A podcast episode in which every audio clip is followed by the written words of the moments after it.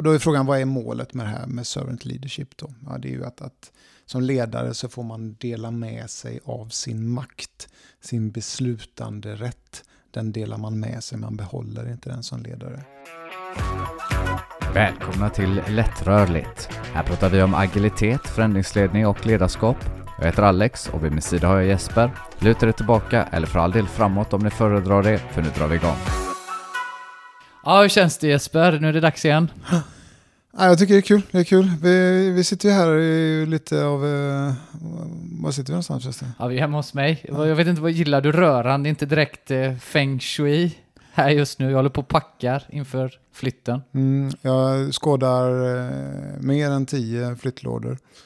Eh, halvfyllda. Eh, ett skönt... Eh, ja, inte så mycket feng shui, det får, kan man inte säga. Nej, Men, jag har ju ett problem också. Eh, och jag har varit uppe på vinden och hämtat. Du ser att det är några gamla flyttlådor som är lite trasiga och så är det några som är nya. Och de trasiga har innehållit skolböcker från mina studier 20-25 år mhm. tillbaka i tiden. Och jag har ju inte slängt en enda bok. Det var knappt så att jag slängt några anteckningar, de har jag nu slängt dock. Men jag har lite svårt att skilja mig och, och, från de här böckerna. Och jag vet inte vilka, riktigt vilken strategi jag ska ha. Ska jag spara alla? Ska jag spara några? Ska jag plocka ut några ur nostalgiska skäl? Eller hur ska jag, vad ska jag göra? För att jag kan konstatera att jag har inte tillräckligt många dagar kvar i livet för att hinna läsa igenom de här böckerna igen. Och jag tror inte jag förstår hälften av vad som står där. Så har du några bra tips? Hur har du gjort själv? Ja, jag, eh, jag har faktiskt eh, slängt eh, ett flertal skolböcker i samband med just flyttar. Jag har sett liksom, här en, en möjlighet att slänga dem. Jag slängde sådana här skolkataloger också med, du vet, det är lite... Fotografier? Ja, fotografier. Gillar du inte sånt? Ja, alltså jag är lite ångerfull nu att jag gjorde det. Men de vanliga skolböckerna, jag, jag har behållit en som jag vet i alla fall och det är den legendariska Physics Handbook. Äh, Ah. Full med formler om viskositet, opacitet, äh, Pythagoras sats, cosinus, tangens och sådana göttiga grejer. Hur tänkte du att det kunde vara bra att ha? Ja, Mm. man vet aldrig när man behöver räkna på någon radian eller något. Nej. Eh, nej, jag vet inte heller. Jag tittar mycket. Det är mycket elteknik och det är mycket reglerteknik eh, sådär från, från, eh, från mina studier. Mm. Eh, vissa grejer har jag ju någon slags nostalgisk förhållande till. Så jag, tror att, jag tror att det kommer bli så att jag försöker kapa det jag kan kapa och så får resten bara hänga med och så Ja. får det bli en vända eh, vid ett senare tillfälle. Mm. mm. Ja, det är nog bra att kapa lite för det alltså, mm, man måste ju titta framåt i livet också. Så är det. Ja, du har helt rätt. Ja, sen vi pratade sist så har vi haft, eh, ja, vi har haft, vi har haft en riktigt viktig dag. Eh, den sockerfria dagen, 12 oktober. 12 oktober, ja. Eh, och jag uppmärksammar den eh, faktiskt och givetvis åt inget socker. Eh, faktum var att jag, Åt du något överhuvudtaget? ja, jag påbörjade en sån här tre dagars fasta just den dagen. Så Mm. att eh, jag åt inte så mycket som jag brukar den dagen då. Fast han började, eller ja, jag åt lunch tror jag. Men, Men det var väl inte så länge sedan du gjorde en tredagarsfasta? Du, så himla ofta kan du väl inte göra faster, eller? kan man inte det? Ja, det vet inte jag, men... Ja, men det var nog åtta, tio veckor sedan sist. Ja, så okej. att tiden går fort. Jag. right. Så att eh, det har jag gjort. Eh, Men jag tittar också på, eh, det fanns ju andra dagar än eh, sockerfria dagen. Mhm. Den är ju ny. Mm. Eh, Och, eh, Är det som någon slags motreaktion då till något, eller? Ja, alltså jag, jag tittar upp det. Vi har alltså våffeldagen, Nutelladagen, eh, marsipandagen, fettisdagen. Men vad då menar du att alla de här dagarna har ett, eh, liksom, en specifik dag? Ja, det har de. Det har de. Ja, jag vet ju att, vad, jag, vad sa du du? Så, kanelbullen sa du inte kanske, men den känner jag ju till. Kanelbullens dag, ja. Det finns ju en jäkla rolig historia kring den. Den var 4 oktober. Eh, som, som, eh, jag måste nästan dra den, kanelbullens dag. Och det, alltså för er som följer mig i MMA-svängen, eh, jag har ju varit i den i många år, men så var det ett sånt UFC-event i Stockholm för, ja det är nog 5-6 år sedan nu minst, kanske, kanske mer ändå. då men då var det en väldigt känd eh, sån fighter, Max Holloway, som hette en svensk Akira Korosani eh, på den galan. Han är hav hawaiian. eh, Hawaiian, ja. Eh, och han, han eh, tillhör det teamet hette Blessed MMA lite grann då, så det visade sig att han var eh, lite mer religiös än vad vi normalt sett är. Då. Så han vann och eh, stod i Globen där och så var det eh, snack, eller ja, eh, han blev intervjuad i, i oktagonen där och ja, så, så tackade han ju Gud eh, för den här vinsten varpå den svenska publiken eh, började bua. Och han såg helt konfunderad ut. Liksom, vad är det frågan om då? Ja. Men så, så i nästa handvändning så säger han att det här var ju runt i början på oktober här. Det har varit kanal, kanelbullens dag då, att han har ätit en kanelbulle på kanelbullens dag. Man på hela, hela Globen jublade liksom så bu för, för Jesus och... och, och Hurra för kanelbullen. Ja. Ja, det är en riktigt bra story. Ja, det, jag, jag tror att det, det säger faktiskt en del. det säger en del. Sekulariserad eh, med stark fikakultur. Mm, väldigt Ja. starkt. Du, jag sprang på en annan sak här. Det känns nästan som att vi kanske är obsoleta innan vi ens har börjat. Mhm. Och jag snackar om podcastingen. ja, podd, Ja. ja. Eh, Jag sprang på Podcast AI. Har du hört talas om detta? Ja, lite grann, men du får gärna berätta. Ja. Eh, då har man med AI skapat podcastavsnitt. Eh, och det första är Joe Rogan som intervjuar Steve Jobs då. Mhm. Och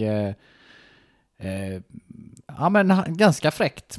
Eh, Steve, Joe Rogan har ju väldigt mycket, det finns väldigt mycket data och hans röst finns ju och det är väldigt lätt att liksom få ihop någonting eftersom han har sin, liksom, eh, må, dels många avsnitt och dels långa avsnitt och Mm. dels under, eh, ja, under lång tid. Så att han låter ganska legit medan Steve Jobs, där hör man att det är liksom ihopplockat från Steve Jobs som står och presenterar på en scen eller det är en intervju från tv etc. Sen vet inte jag exakt hur mycket utav liksom, dialogen som är skapad eller om den är skriptad på någonting sätt. Men jag tror att den, är, att den eh, AI har skapat den, för det låter lite styltigt. Men eh, ändå imponerande. Och är vi här nu så är ju frågan om vad vi är om fem år. Ja, det lär ju bara bli mer so- sofistikerat med tiden. Ja. Kan jag tänka mig. Ja, så det var, det var fräckt. Det var, ja, jag vill bara nämna det. Jag tyckte det var en kul grej som, som eh, jag sprang på i under veckorna här. Mm. Har vi någonting från eh, förra avsnittet att eh, diskutera? Jag tyckte vi fick till det ganska bra avsnitt. Jag tyckte det var kul. Det blev lite långt, men vi hade ju mycket Ja. att säga. Men det ju uppdelat i, i två eh, säga, episoder eller avsnitt eller delar. Vi pratar så länge om, om psykologisk trygghet. Då, och vi har fått eh, bra feedback på, på det, att det var, det var ett bra avsnitt. Men en feedback vi fick det var att du eh, svor mycket i början där Alex. Är det sant? Ja, Ja. Jag, jag vet inte. Nej, det stämmer nog. Eh, Jag vet inte om, om det här blir något slags försvarstal, men jag, jag tänker så här, tänker jag lite grann om det. Jag, man kan fundera lite grann på varför, varför man svär och om man tittar lite på eh, liksom, eh, litteraturen och forskningen då, så, så finns det eh, eh, man, pra, man pratar om att that fluency is fluency, det vill säga att ordförråd är ordförråd oavsett. Så även om man eh, svär mycket så, så påtalar det att det indikerar att man har hög, högt ordförråd. Mhm. Så länge inte det handlar om nedvärderande sexistiska uttryck. Då. Och detta kan man läsa, det finns en, en, eh, ett paper som heter Taboo Word Fluency Knowledge of Slurs and General pejora- Pejoratives. Eh, så att, och som alla vet så är ett högt ordförråd eh, i sin tur, det innebär ju en högre intelligens. Så den tror jag starkt på. Ja, Ja. alltså det, det är väldigt likt ett försvarstal här nu, men eh, fortsätt. ja. Ja. Sen finns det ju andra aspekter av det där. Eh, jag var ju inte drabbad av det eh, själv, men vad man också kan se eh, i en annan, ett annat paper, Swearing as a response to pain. Och då finns det annan forskning som pekar på att svära minskar smärtan. Jag hade ju inte ont sist, så att jag kan inte använda detta som skäl då, men jag tyckte ändå det var intressant. Och enligt folk som jobbar inom förlossningsvården har jag hört att eh, svordomar är riktigt förekom, väl förekomna just under förlossningar. Mm. Det låter, jag skulle säga att det låter lite bekant det där. Faktiskt. Ja. Mm. Och sen till sist då, och det är väl kanske det som är mitt riktiga försvar här, och det kommer från ett paper som heter, heter Does emotional arousal influence swearing fluency? Och då visar det sig att förhöjda känslor kan le leda till ökade svordomar och det är både i positiv och negativ bemärkelse. Och jag var ju riktigt taggad. Jag hade på känn att vi skulle få till ett kanonavsnitt Mm. och jag tror att man kunde höra på mig att jag var taggad. Så därav den extra, eh, extra eller de extra svordomarna. Ja, ja, precis. Och sen har, sen har det visat sig också att man har tittat på folk som hamnar i eh, paniksituationer. Att, att de eh, tenderar till att ha ett ökat svärande. Ja, det stämmer. Men jag ska bara återkoppla. Vi svor ju mycket där kring, jag tror det var eh, storyn med eh, eh, köpa hus och Danske Bank eh, Mm. som... Eh, Ja, det var mycket känslor. Positiva till att köpa och negativa till att ha med en jobbig bank att göra. ja, vi får se, jag återkommer till Danske Bank kanske längre fram här. Ja, Vi men, ja, det har varit lite med dem också, men vi kommer till det. Vi kommer till Det det. kommer till. Eh, Men, men eh, det här med olyckor var vi inne på också. Att folk svär vid, vid olyckor. Och det finns ju en klassisk, eh, numera ganska gammal, men eh, alltså det här när de prov, eh, provflög eh, vad heter det, JAS 39 Gripen. Så är det ju en, jag tror det är i Linköping, som den, den störtar och tumlar eh, runt där. Och då är det ju eh, någon eh, militär som eh, konstant skriker jävlar, jävlar, Mm. jävlar. Mm. Typ tio gånger på raken liksom. Mm. Och den kabblade de ut i, i tv regelbundet under den tiden. Så att ja, det, det stämmer. Ja, där har du det praktiska beviset på den då. Mm. Så att helt enkelt kan det vara jävligt bra att kunna svära. Ja. Men jag fattar och vi ska väl försöka hålla lite stil och finess här så att jag eh, eh, med bot och bättring och några hovnigningar så hoppas jag att jag får eh, eh, lyssnarnas förlåtelse och så ska jag göra mitt bästa härifrån. Jag tror till och med att vi gör så här idag.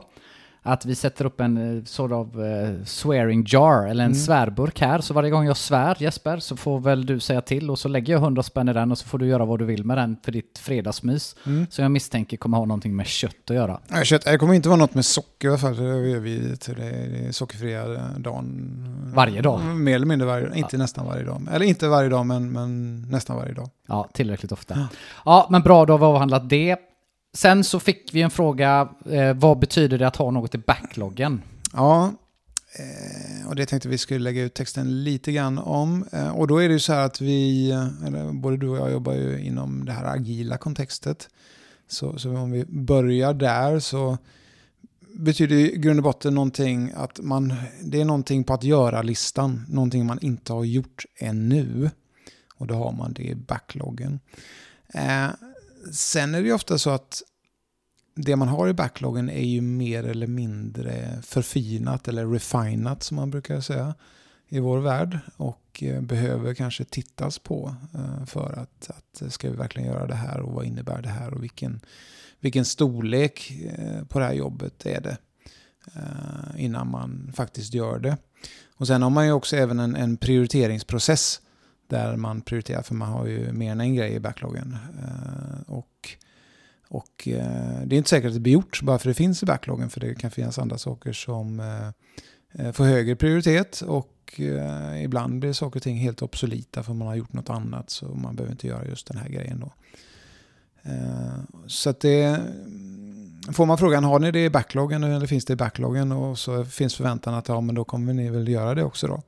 Eh, Men så är det inte. Men är det inte lite grann eh, så är det våran Mm. bransch tänker jag. För att bara för att liksom, eh, sätta det du sa i lite andra uttryck så kan det vara så att vi är ute för att uppnå ett mål eller ett värde för en kund. Och det är inte säkert att det vi har i vår backlog kommer, upp, kommer påvisa det, utan det kanske vi kan göra med mindre delar eller vi kanske behöver göra det med de, mer delar. Så vad vi har in inte säkert att liksom, det leder till att vi har ut. För jag tänker lite grann, jag är ju mycket i den här fixa eh, bolånbranschen och jag kan tänka mig att där sk- kanske man säger så här att de har bolåneansökningar i sin backlog, det vill säga de ska ta tag i folks bolåneansökningar och där tänker jag att ja, men där får de ju ta dem en efter en för att där, det är ju liksom då är ju själva bolåneansökningen det är ju det värdet ut. Jag vill ha pengarna i, Mm. näven liksom. Så det kanske ser lite olika ut vilken bransch man eh, jobbar i eller vilken kontext man jobbar i. Så är det säkert. Så är det säkert. Ehm, och det, då blir det en, en riktig att göra-lista som man måste göra då. Ehm, men ja, det vi kan konstatera är att det är lite olika då. I det agila kontextet betyder det att det betyder nödvändigtvis att man kommer att göra det bara Nej. för att det finns där. Eh, och det är väl lite det, utifrån det, den frågeställningen, eh, den här frågan kom upp Mm. lite grann då. Eh, Just det. Då känner jag Jesper att vi är både incheckade och uppvärmda. Ja, jag ska börja med att fråga lite grann om du har varit på någon eh, vandring eller fjällvandring eller utomlands, eh, gått, i, gått i bergen eller så. Eh, nej, eh, jag har gått Bohusleden, eller delar av Bohusleden, mellan Uddevalla och, och Ljungskile, tror jag. Eh, fantastisk för övrigt, Bohusleden, så den som får möjlighet att göra det. Eh, man kan ta bussen till något ställe och sen går man till nästa busshållplats. Nej, så att eh, inte i någon större utsträckning. Är det något speciellt du tänkte på? Nej, alltså, jo, det var det faktiskt. Och jag skulle säga kanske då, har jag gått någon vandring någon gång? Och det har jag gjort. Jag har, faktiskt, jag har gått upp i, i, i svenska fjällen. Mm. Uh, uppe i Sarek. En gång på eget bevåg och en annan gång när jag gjorde militärtjänsten eller lumpen. Så vi också går där då. Det är superfint men det är jävla mycket mygg om jag får svära lite grann. Där för att det är fruktansvärt mycket mygg. Så det, eh, om jag skulle vandra igen så, så är jag nog mer sugen på, på Alperna. Eh, och komma ner där eh, och titta på. Och eh, just där i Alperna så har de bergsguider. Eh, där kan man bli auktoriserad bergsguide. Vars uppgift är att, att leda Eh, de som, som vandrar i bergen eller i Alperna där. Och eh, just det här med att, att leda och visa vägen är lite vad vi ska prata om eh, där idag. Idag, lite mer om ledar, ledarskap. Men, men om vi håller oss kvar vid bergsguiderna så måste de lära sig stigar och vad blir det farligt väder och var kan man gå, vad som är farligt och var finns stup och så vidare. Eh, Och när du anlitar en sån bergsguide så går han eller hon med dig på berget och, och följer med det och då blir det liksom en, vad ska man säga, en bergsledare. Mm. Eh, och de har ingen, ingen eh, kanske låter otroligt fånigt, men en bergsmanager som, som sitter i en, en stuga nere i, i dalen liksom och eh, du kanske får kartan av och du förklarar det själv.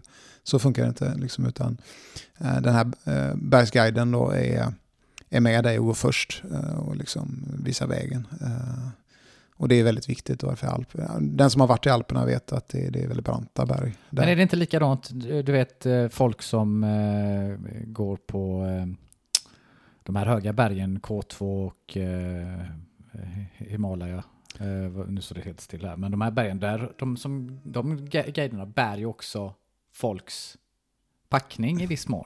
Ja, där är det nog, du tänker på sådana här sherpas, alltså nepalesiska sherpas som bär alltså, utrustning Ja. framförallt. Men jag tror inte att de visar vägen Ah, okej. på samma sätt, utan där är de liksom eh, erfarna alpinister som man faktiskt säger tror jag. Många, och, och så klättrar man i berget då, men så har man bärhjälp då, för de har så mycket prylar då. Men eh, själva toppattacken på Mount Everest eller eh, K2 är det inte nödvändigtvis att du har en sån kärpa med dig utan de bär upp dina grejer till basläget. Då.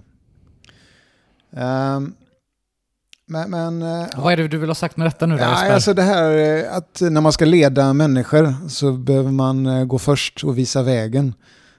Det är lite det jag är ute efter. Och det gör en sån här bergsguide då.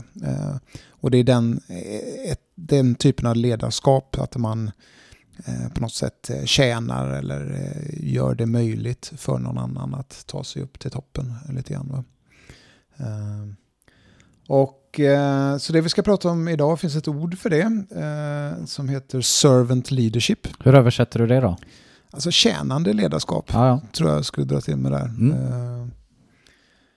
Och i, Eh, bara för att återkoppla lite till eh, tidigare avsnitt så har vi pratat om att vi jobbar i team och vi har en viss kultur i vår organisation. Vi vill ha eh, psykologisk trygghet eh, vill vi ha också för att vi ska kunna prestera på, i arbetet. Eh, och nu är frågeställningen, vad, vilken typ av ledare behöver vi i, i organisationen och företagen för att liksom eh, få alltihop det här att funka? För ledarna är, som vi har varit inne på, kulturbärarna mångt och mycket. Och, och vilken kultur och hur, hur ska en, eh, de personerna vara? Och då finns det en typ av ledarskap som kallas för servant leadership som vi ska gräva oss ner i det.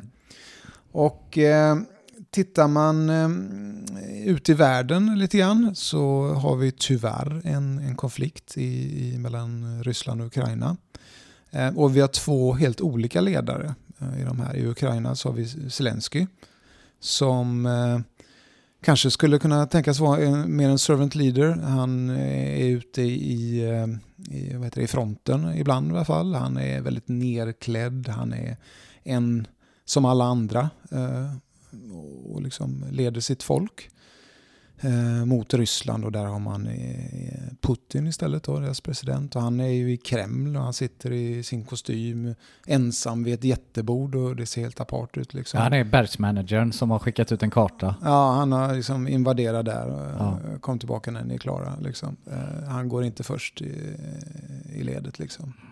Så det, det, är väldigt olika och, och, man kan se mer, eh, det är ganska känt, eh, två kända bröder, boxarbröder som är ukrainare, de här Vladimir och Vitali Klitschko som har bägge varit eh, världsmästare i boxning och även tagit OS-medaljer, OS-guld och så vidare. Men han, Vitali han är ju borgmästare i Kiev nu och, och leder liksom motståndet där. Och, och eh, jag tror Vladimir är med i, högt upp i armén och, och strider. Eh, så det, det, är ju ett sätt att leda, att gå först, eh, visa vägen, eh, som de gör då. Ska vi dra den här anekdoten om, om Atlanta-OS också, de här boxarbröderna? Ja, det tycker jag du kan göra. Ja. Du, du, du berättade den för mig tidigare, de var faktiskt väldigt roliga. Ja, alltså, det, fann, det, finns en svensk boxare som heter Attila Levin. Attila de Han kallar de honom. De Han, ja precis. Han var ju en riktigt sån stor tungviktsboxare. Och det var ju de här ryska bröderna också. Då. Eh, men så var det Atlanta-OS och, och Attila fick ju möta, jag vet inte vem det var av dem. Jag tror att det var Vitali. Ja, i första omgången då. Attila var ju liksom lite guldhopp då. Men han fick ju stryk lite grann. Och så blev han ju intervjuad av SVT Sporten efter och tyckte det här var tråkigt. Och så Ehm, men så kläckte han ur sig att, att ah, fan, jag får alltid möta han eller hans jävla brorsa. Jävla horungar, sa han i direktsändning. Uh, vilket var väldigt ja, roligt. Det är en klassiker. Det är en klassiker. Så ja, de bröderna har ställt till det för fler än bara ryssar. Mm. Alright, servant leadership. Du gav mig lite en uppgift här mm. också, att jag skulle kolla lite på bakgrunden och vem det var som eh, kom på det. Och det känns väl som ett eh, ypperligt tillfälle ja, tycker att, jag. att köra. Eh, den som har grundat det, Robert K. Greenleaf, eh, var en person som jobbade på AT&T under lång tid och han var ju skeptisk rent generellt mot den maktcentrerade och auktoritära eh, ledarskapsstilen. Jag ser mig typ framför mig så här ett, ett, en sal där det sitter folk vid sina skrivbord och så sitter det, ja men typ som en tentaskrivning, det sitter en tentavakt längst fram och sen sitter folk uppradade. Mm. Eh, så, här, så jag vet inte om det, om det var så, men så kan jag tänka mig att i viss mån på vissa arbetsplatser på 50-talet att det, att det kanske ser ut. Eh, ja, vi kan låtsas att det var så i alla fall. Men han, han verkade under den här tiden och var som sagt skeptisk då. Och så var det så att han läste en bok som hette eh, Journey to the East av Hermann Hess. Och eh, den handlar om en, en eh, religiös sekt och huvudpersonen kallas för HH, Hermann Hess kanske från sitt egna perspektiv. Och så har han plockat ihop lite eh, historiska figurer, både riktiga och, och, och eh, påhittade, som Platon, Mozart, Pythagoras och Mästerkatten i stövlar. Så han har verkligen okay. blandat och gett. Ja. Eh, och till de här då, det var, det var en, som sagt en religiös sekt som, som skulle göra en, en vandring, en religiös vandring österut. Och då hade de en person som hette Leo med sig, som var eh, deras eh, servant, eller deras tjänare, mm. som gjorde enkla uppgifter, eh, ja, sjöng lite sånger och höll god stämning i gruppen. Och eh, vid någon tidpunkt i någon bergspassage så försvann Leo. Aha. Och då började gruppen få massa problem. Och till slut så löstes den upp. Och huvudpersonen i boken HH, han påbörjade en let, äh, och leta upp Leo och lyckades precis hitta honom eh, på slutet då. Då visade det sig att den här Leo eh, var president för The League, heter den då, som var den här organisationen som hade sponsrat den här eh, resan som eh, Platon, Mozart och så vidare genomförde.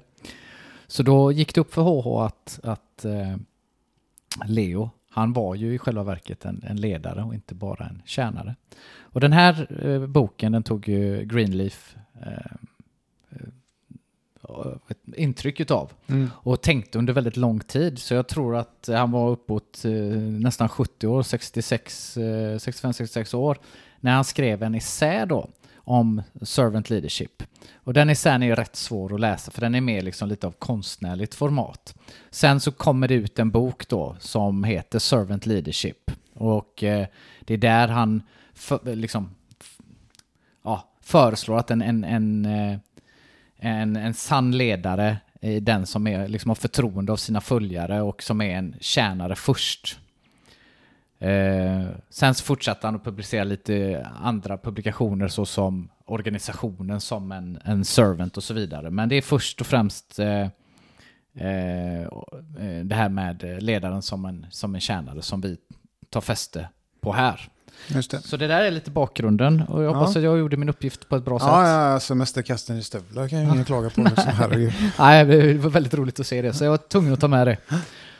Ja, men vad bra där. Alltså, det finns en mängd citat från Greenleaf och du var ju inne på, på ett av de här och det kanske mest kända är liksom good leaders must first become good servants. Att man måste kunna tjäna innan man kan, kan leda. Då.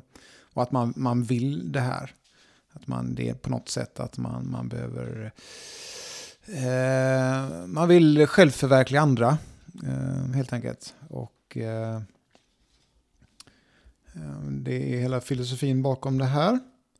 Och, eh, en, och då är frågan, vad är målet med det här med servant leadership då? Ja, det är ju att, att som ledare så får man dela med sig av sin makt, sin beslutande rätt. Den delar man med sig, man behåller inte den som ledare.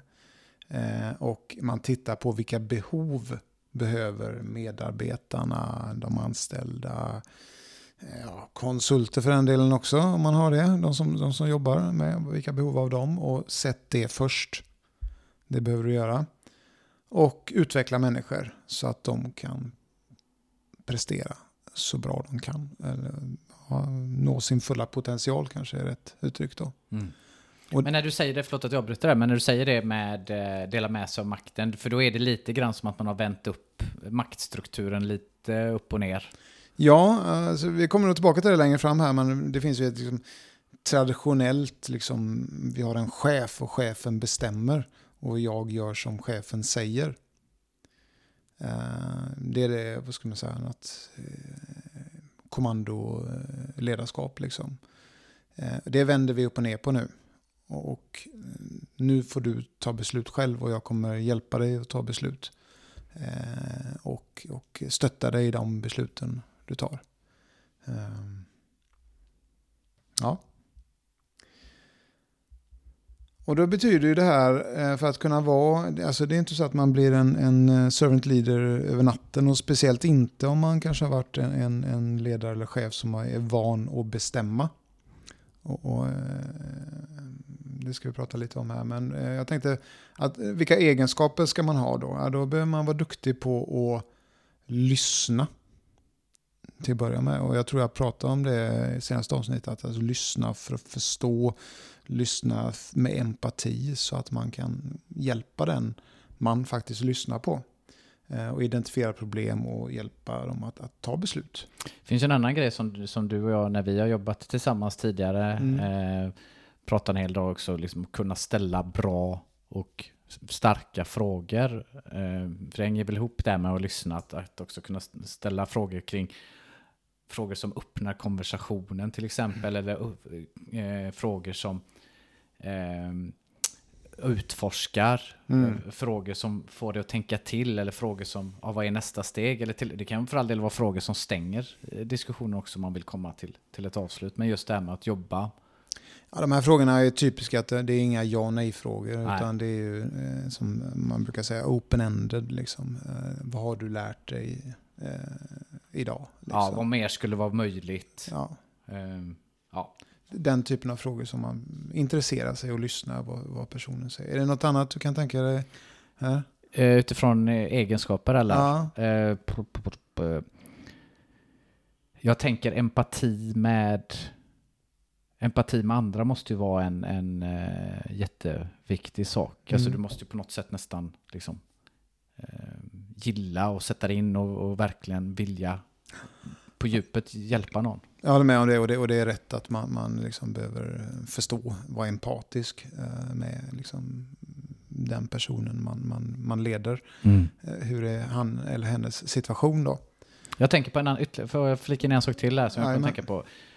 För det är väl också så här att inte bara med att man ska vara öppen, utan jag vill ju också uppskatta öppenhet hos andra, Ja, tänker jag är, är bra. ja det är jättebra. Alltså Ja. det, du har rätt i att, man behöver vara öppen själv. Mm. Eh, och det är ju det här lite lead by example. Om, om jag, jag kan inte förvänta mig att du ska vara öppen om jag inte säger någonting om mig själv. Det. Mm, Det funkar inte, det är ren logik lite grann. Men, men att om jag är öppen och du är också öppen Mm. så uppskattar jag det Mm. och visar det. Att, att, att, eh, så är, behöver jag ha som egenskap. Eh, och det finns också det här att man eh, liksom tänker på helheten. Mm. En lite holistisk synsätt lite grann. För att det, det är lätt gjort att man, eh, vad ska jag säga, man försöker släcka bränder. Mm. Eh, här och nu, vad har vi för problem, fixa dem lite grann. Men kan man lyfta blicken, tänka på helheten, vart är vi på väg, vad kommer att göra skillnad eh, över tid. Mm. Det är en egenskap man behöver som, som servant leader också. Jag är lite nyfiken också, vad, vad, vad har vi för eh, typ av personer där ute som... Jag, tänk, jag tänker på Jesus som, som en uppenbar servant leader, men jag vet inte om vi ska, ska vi hoppa dit direkt? Vi kan vänta lite med Jesus, Ja. eh, så att det inte blir eh, samma som för Max Holloway. Liksom. Det blir bu- jag bara tänkte eh, prata lite här för att både du och jag har ju varit med om och gjort sådana agila transformationer eh, där man gör en förflyttning från kanske där man har haft ett, ett alltså chefer som tar beslut och är ansvariga för leveranser och, och jobbar på det sättet. Och så gör man den här agila transformationen där man istället ska decentralisera beslutsmakten. Man ska ha empowered teams och teamen själva ska kunna få ta beslut över vad de ska göra, hur de ska göra det, när de ska göra det. Eh, och då uppstår en konflikt. Att å ena sidan har man en chef som är van att ta besluten, å andra sidan så har man ett team som nu ska ta de här besluten. Och någonting, something gotta give lite grann. Mm. Och, och det rätta är ju att den här chefen förflyttar sig från att vara chef till att bli ledare och bli servant leader Mm. eh, och stötta teamen då. Eh, Men så ser ju inte alltid verkligheten ut. Att eh, det kanske det är svårt att ändra sig över en natt. Liksom. Okej, nu, nu ska jag vara det här istället. Liksom. Och, och det blir en konflikt däremellan. Mm. Å ena sidan så kan ju det hända att, att de behåller makten och tar de här besluten. Och eh, teamen blir fortfarande bara en annan typ av leveransteam som gör vad de blir tillsagda att göra. Liksom. Mm. Eh, eller det uppslår liksom riktiga konflikter. De försöker ta beslut och han eller hon försöker ta beslut och så ja, eh, blir det ett problem då. Mm. Och, och eh, det här är väl identifierat som en av de absolut största svårigheterna att göra den här kulturförändringen i en agil transformation. Mm. Att förflytta chefskapet till att bli ett ledarskap då, Mm. eh, som stöttar. Jag tänker på en annan sak nu när vi, vi bara grottar lite i detta. Mm. Eh, också synen på människan, för vi pratar lite om empati där. Och den här, eh, det finns något som heter X-teorin och Y-teorin. Douglas McGregor är ju den upphovsmannen till det, men där man snackar om X-teorin där man ser på människan som slö och att den måste kontrolleras och styras för att någonting ska bli gjort överhuvudtaget. Eh, tät uppföljning, tydliga instruktioner. Medan Y-teorin då, eh, eller Y-delen av teorin är att eh, människor är aktiva, självstyrande och vill ta ansvar. Och bra på att lösa problem, etc. Så den känns ju som att den passar in väldigt bra här att det är lite grann en förutsättning, synen på människan generellt och att även hos, hos eh, ledarna där med empati och så vidare, att, att man behöver ha det här synsättet på människors förmåga och egen agens. Just det, att, att människor faktiskt har en egen vilja. Det är faktiskt så. Eh, Okej då. Men, Är det dags för Jesus nu eller? ja, eh, Inte riktigt än heller? Ja, eller? men vi kan ta Jesus bara frame, alltså, vi- liksom exempel på servant leaders i världshistorien kanske. Mm. Det här vi pratar om nu. Och Jesus, För jag tänker att han tvättade ju sina eh, följeslagare, heter det inte, lärjungars fötter. Ja. De var ju följeslagare också för all del, men Ja. lärjungar och eh, han levde väldigt eh, mycket eh, via dem, hade öppenhet och, och eh, ledde genom att tjäna och ville att de skulle göra det också. exakt. Så att eh, det är väl det jag kan, jag hoppas inte jag blir utbuad nu som, som du sa här Holloway blir, men det är väl det jag, det var det jag kom på här. Ja. Men du har säkert några mer bra exempel Ja, det, bakfickan? det finns några andra, till exempel eh, Abraham Lincoln, Mhm. eh, känd som servant leader. Och, och det handlar ju om att han hade ju, det var ju under vad heter det, eh, inbördeskriget i eh, Amerika som han satte då andra före sig själv. Eh, och och eh, det här med, jag tror att eh,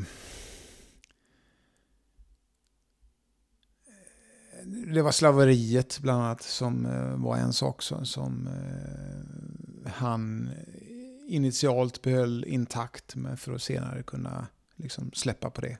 Eh, som en. Han, han tog en tuff väg där. Mm.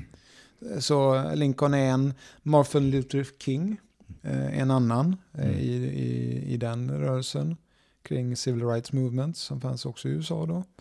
Och eh, där valde man ju att ta en, en icke-vålds-approach eh, som han var förkämpe för då.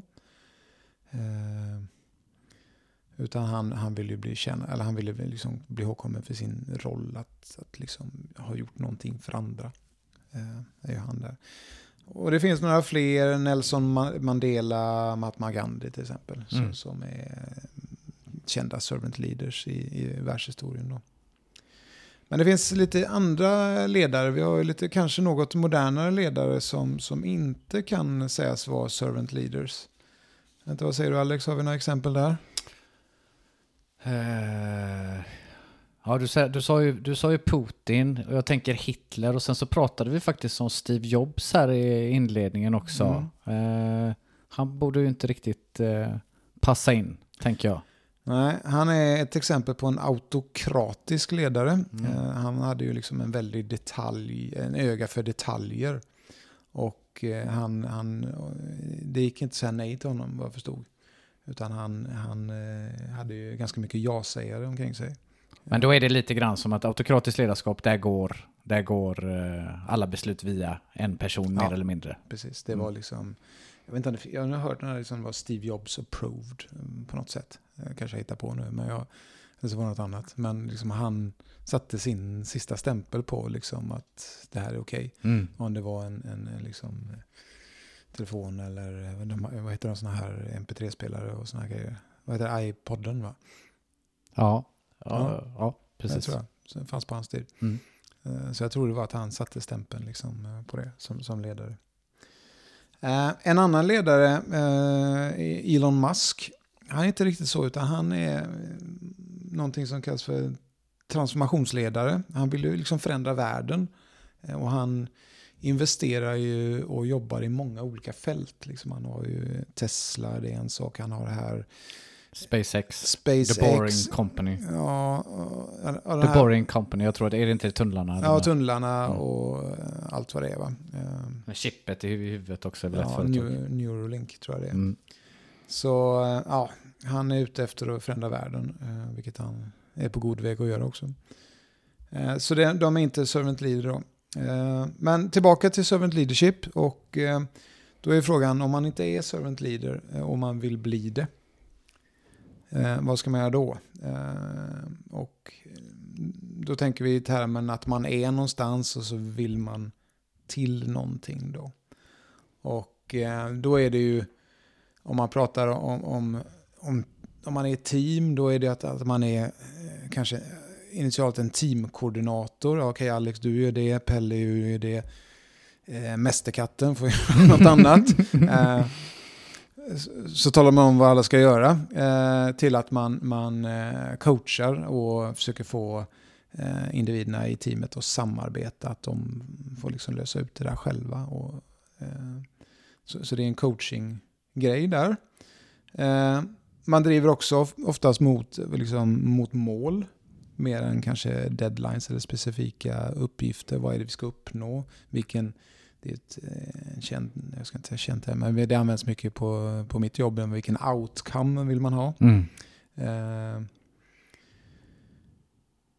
så, så då driver man mot, eh, kanske inte mot en specifik sån, utan mot ett liksom, större mål. Då. Mm. Eh, Någonting man försöker undvika var, det var, det kallas ibland för, för the answer guy. Mm. Alltså personen som har svaren på alla frågor. Spindeln i nätet. Vi måste gå till den här personen. Spocken. Spocken, ja. Mm. Single point of contact. Ja, det. Eh, och, och eh, flaskhalsen skulle man kunna säga också. Mm.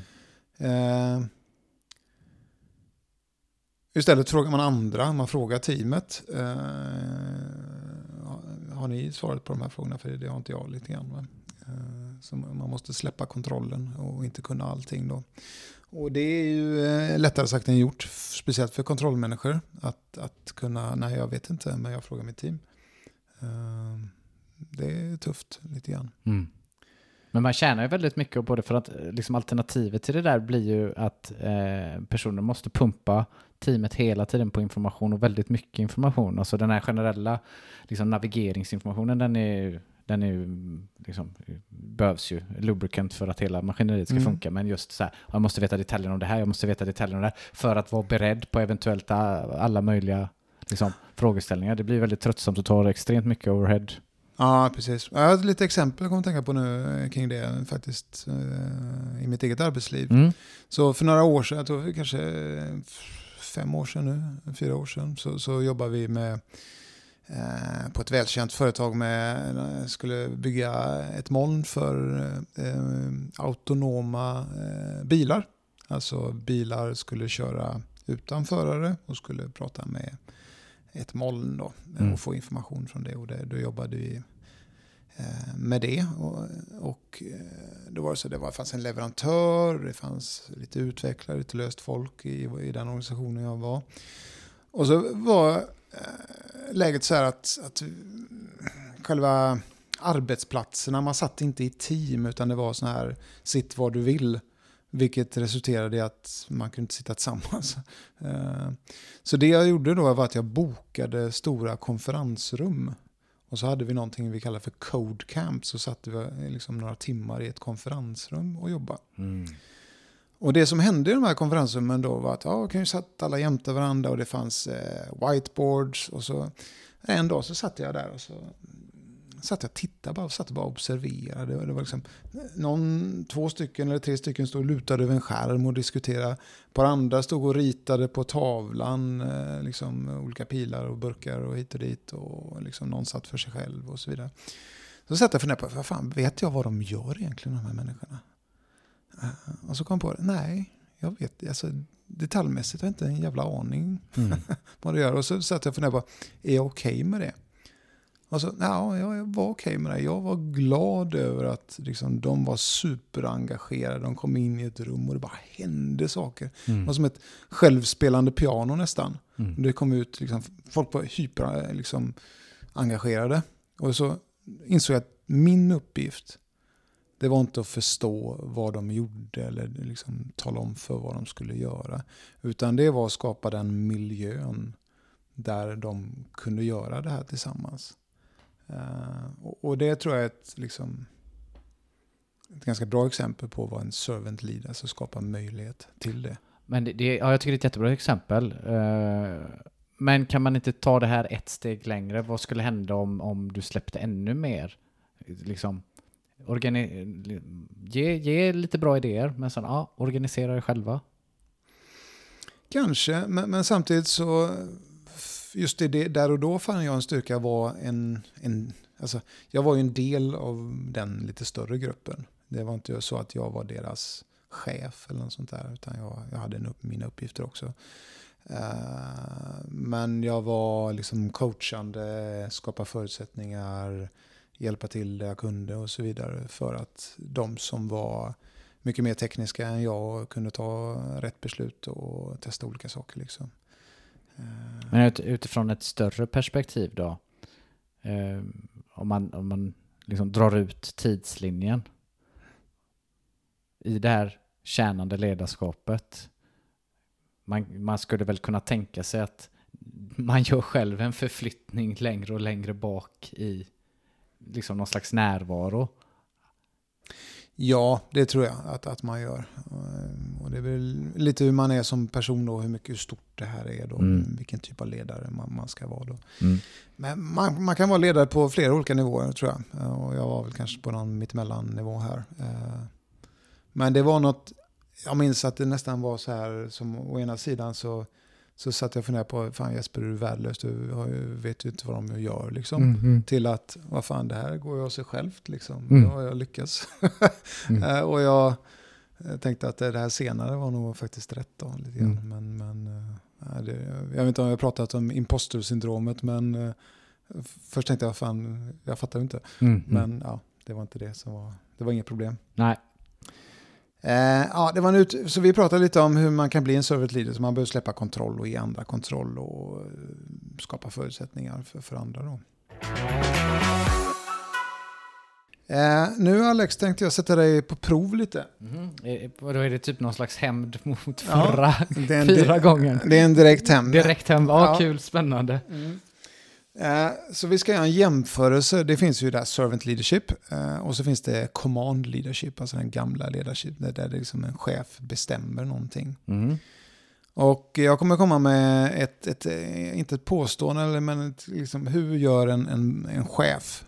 Och vad är det han eller hon gör? Och så vill jag att du liksom på något sätt vänder på det påståendet. Och, och, Men du, du kommer säga vad en, en command leader gör. Mm, ja, Och, vad var och jag ska säga vad en eh, servant leader eh, gör. Eller, okej. ja, i motsvarande situation. Ja, ja, jag är nästan lika förvirrad som du var förra gången, så vi får väl se här om Ja, jag... nej, men vi, vi börjar lite lätt Ja. eh, förhoppningsvis då, så får vi se hur det Ja. går då. Ja. Men det är på engelska här då.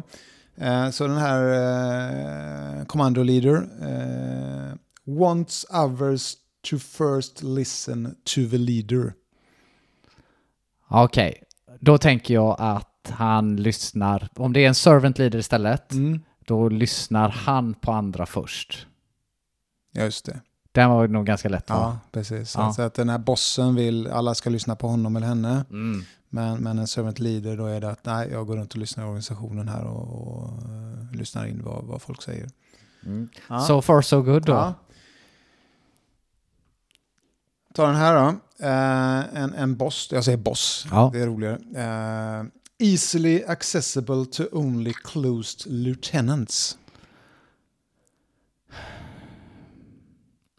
Okej, så det du säger är att han, eh, bossen, eh, är bara sina närmsta underställda. Ja, jag kan tänka han, han är inne på sitt rum. Mm. Det är bara vissa personer som har liksom tillåtelse att gå in i rummet där. Ja, men då har jag, då har jag ett svar. Då Ja. fattar jag.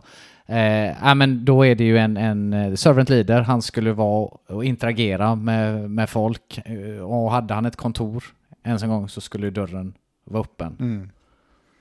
Och det, det var, jag utgår från att det var rätt. Ja, så man är tillgänglig helt enkelt. Ja. Precis då. Ja, bra. Det går ju bra det här. Eh, ta den här då.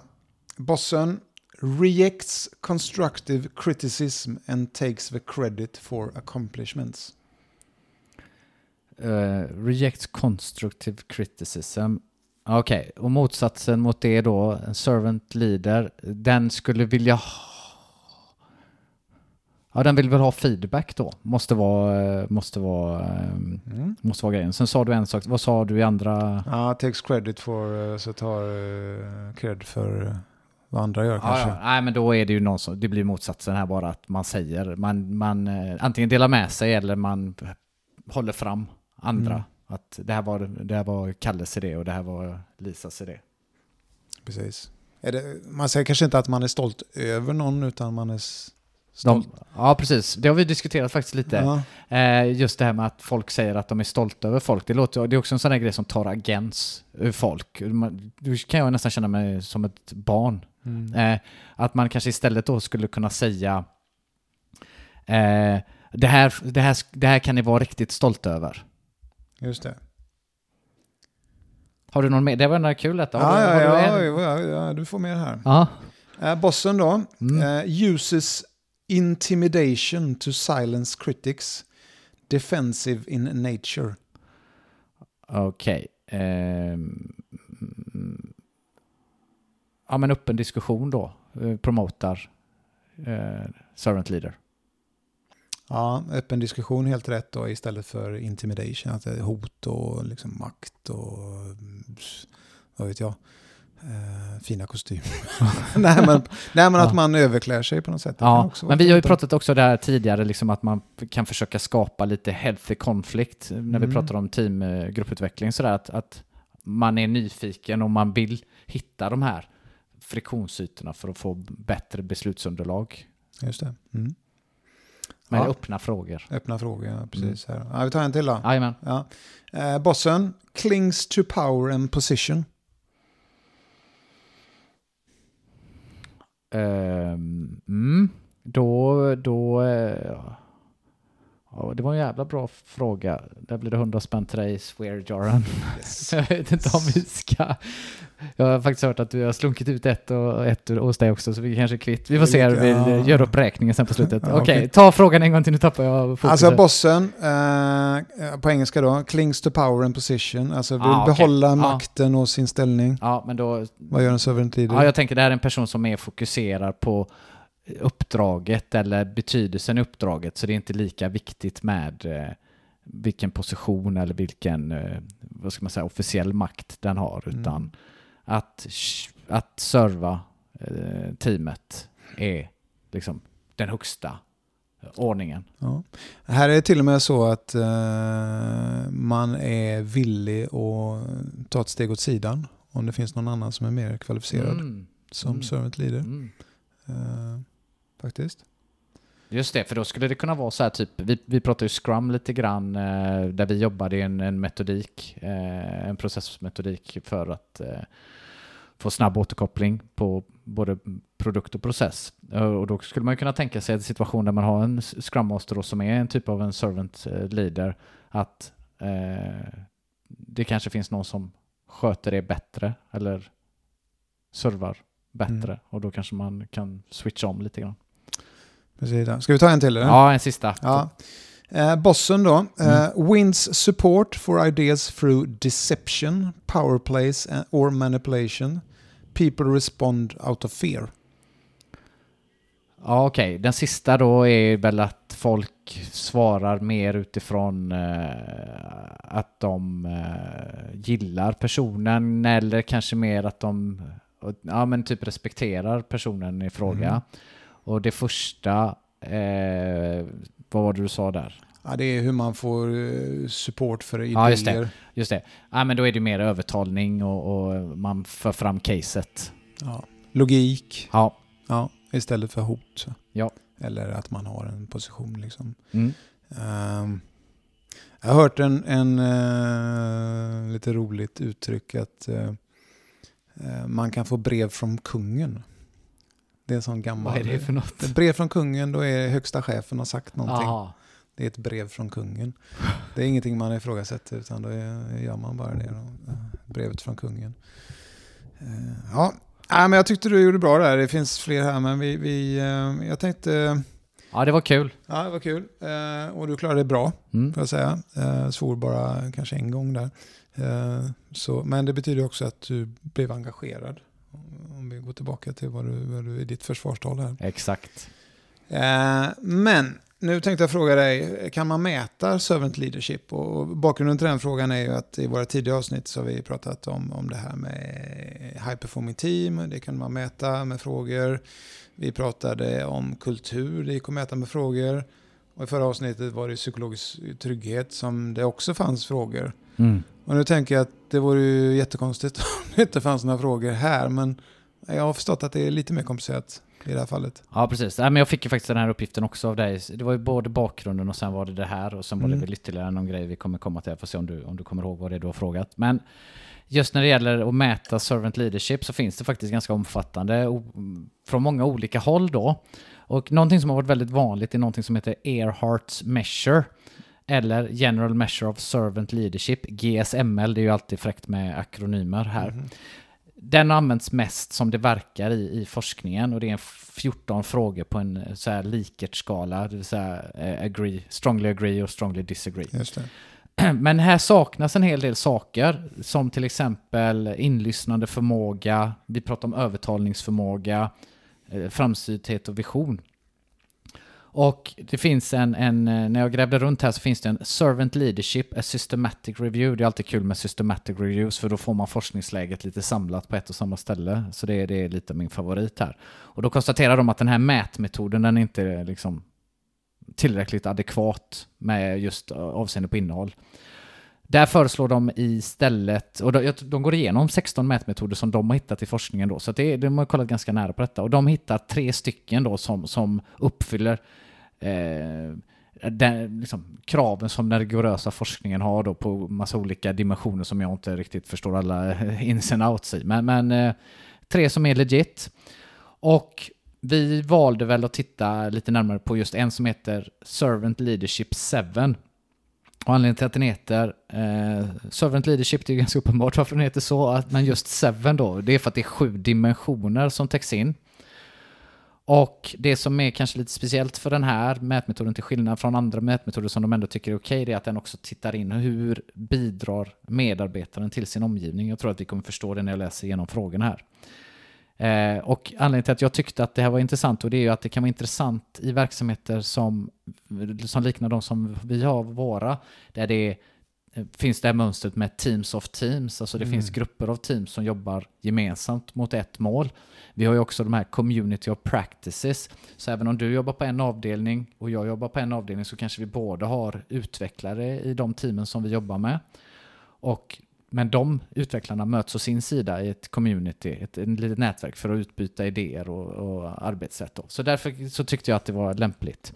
Den här eh, SL7 har egentligen 28 frågor i sin ursprungsvariant, men det finns en kortversion och det är också därför det är liksom ganska bra, för då kan, du, då kan man mäta det ganska snabbt. Vill man göra mer en så dimensionskontroll, då, de här sju dimensionerna, då kan man använda de 28 frågorna. Om man håller på med forskning och så, så kanske det är ditåt att luta. Men för arbetsplatsen.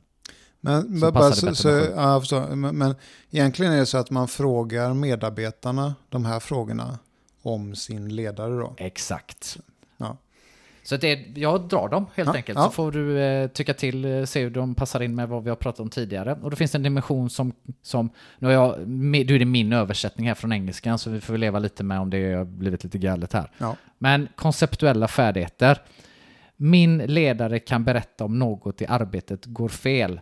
Och då handlar det inte om detaljer så, utan det handlar mer liksom så här övergripande och Holistiskt. Ja, Ja. holistiskt, ja. Systemtänket. Mm. Mm. Och det verkar väl rimligt. Det verkar rimligt ja. Ja. Eh, nästa dimension handlar om att hjälpa medarbetare växa och lyckas. Och frågan är, min ledare prioriterar min karriärsutveckling. Mm. Ja, en servant leader ska ju supportera så att det är väl en högst adekvat fråga. Ja. Nästa dimension, den heter känslomässigt helande. Eller emotional healing, jag kom inte på någon bättre översättning. Och då är frågan, jag skulle söka hjälp av min ledare om jag hade ett personligt problem. Mm, Okej, då ska man, behöver man tillit till sin ledare då. Mm. Eh, om man har ett personligt problem. Ja, intressant. Ja. Mm. Här kommer vi till den frågan som är lite speciell för just den här mätmetoden då, men då handlar det om skapa värde för omgivningen. Och här har jag eh, medvetet översatt lite speciellt då, för det står community vanligtvis, men jag har valt att lägga det till, till, till omgivningen för att det ska passa mer Mm. våran kontext. För community kan ju vara mycket större.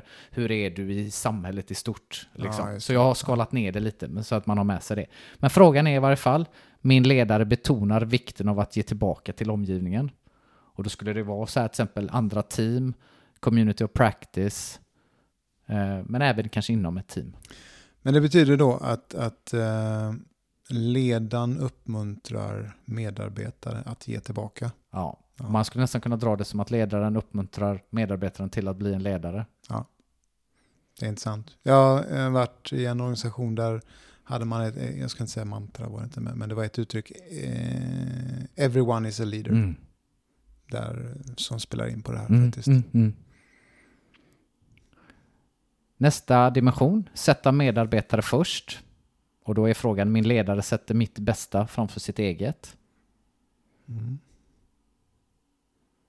Mm. Jag tänk- Om vi stannar upp lite vid den, jag tänker lite, finns det någon risk här?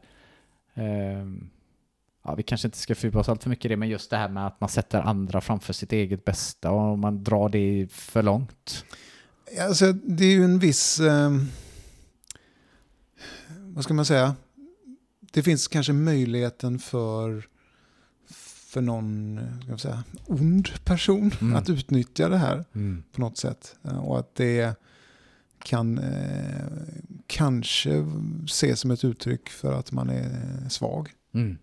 Eh, Men det ska ju definitivt, eh, liksom, alltså möjligheten att, att vad vet jag, alltså nu, nu tänker jag på eh, ibland, alltså i militära förband så eh, utbildas de att kunna ta en kula för någon annan Mm. i slutändan. Mm. Och det är även inom livvakter och sådana saker, de slänger Mm. sig framför sitt skyddsobjekt. Mm. Men, men det är ju verkligen att sätta någon före sig själva med, Mm. med sitt eget liv. Det blir ju som extremt. Mm. Mm.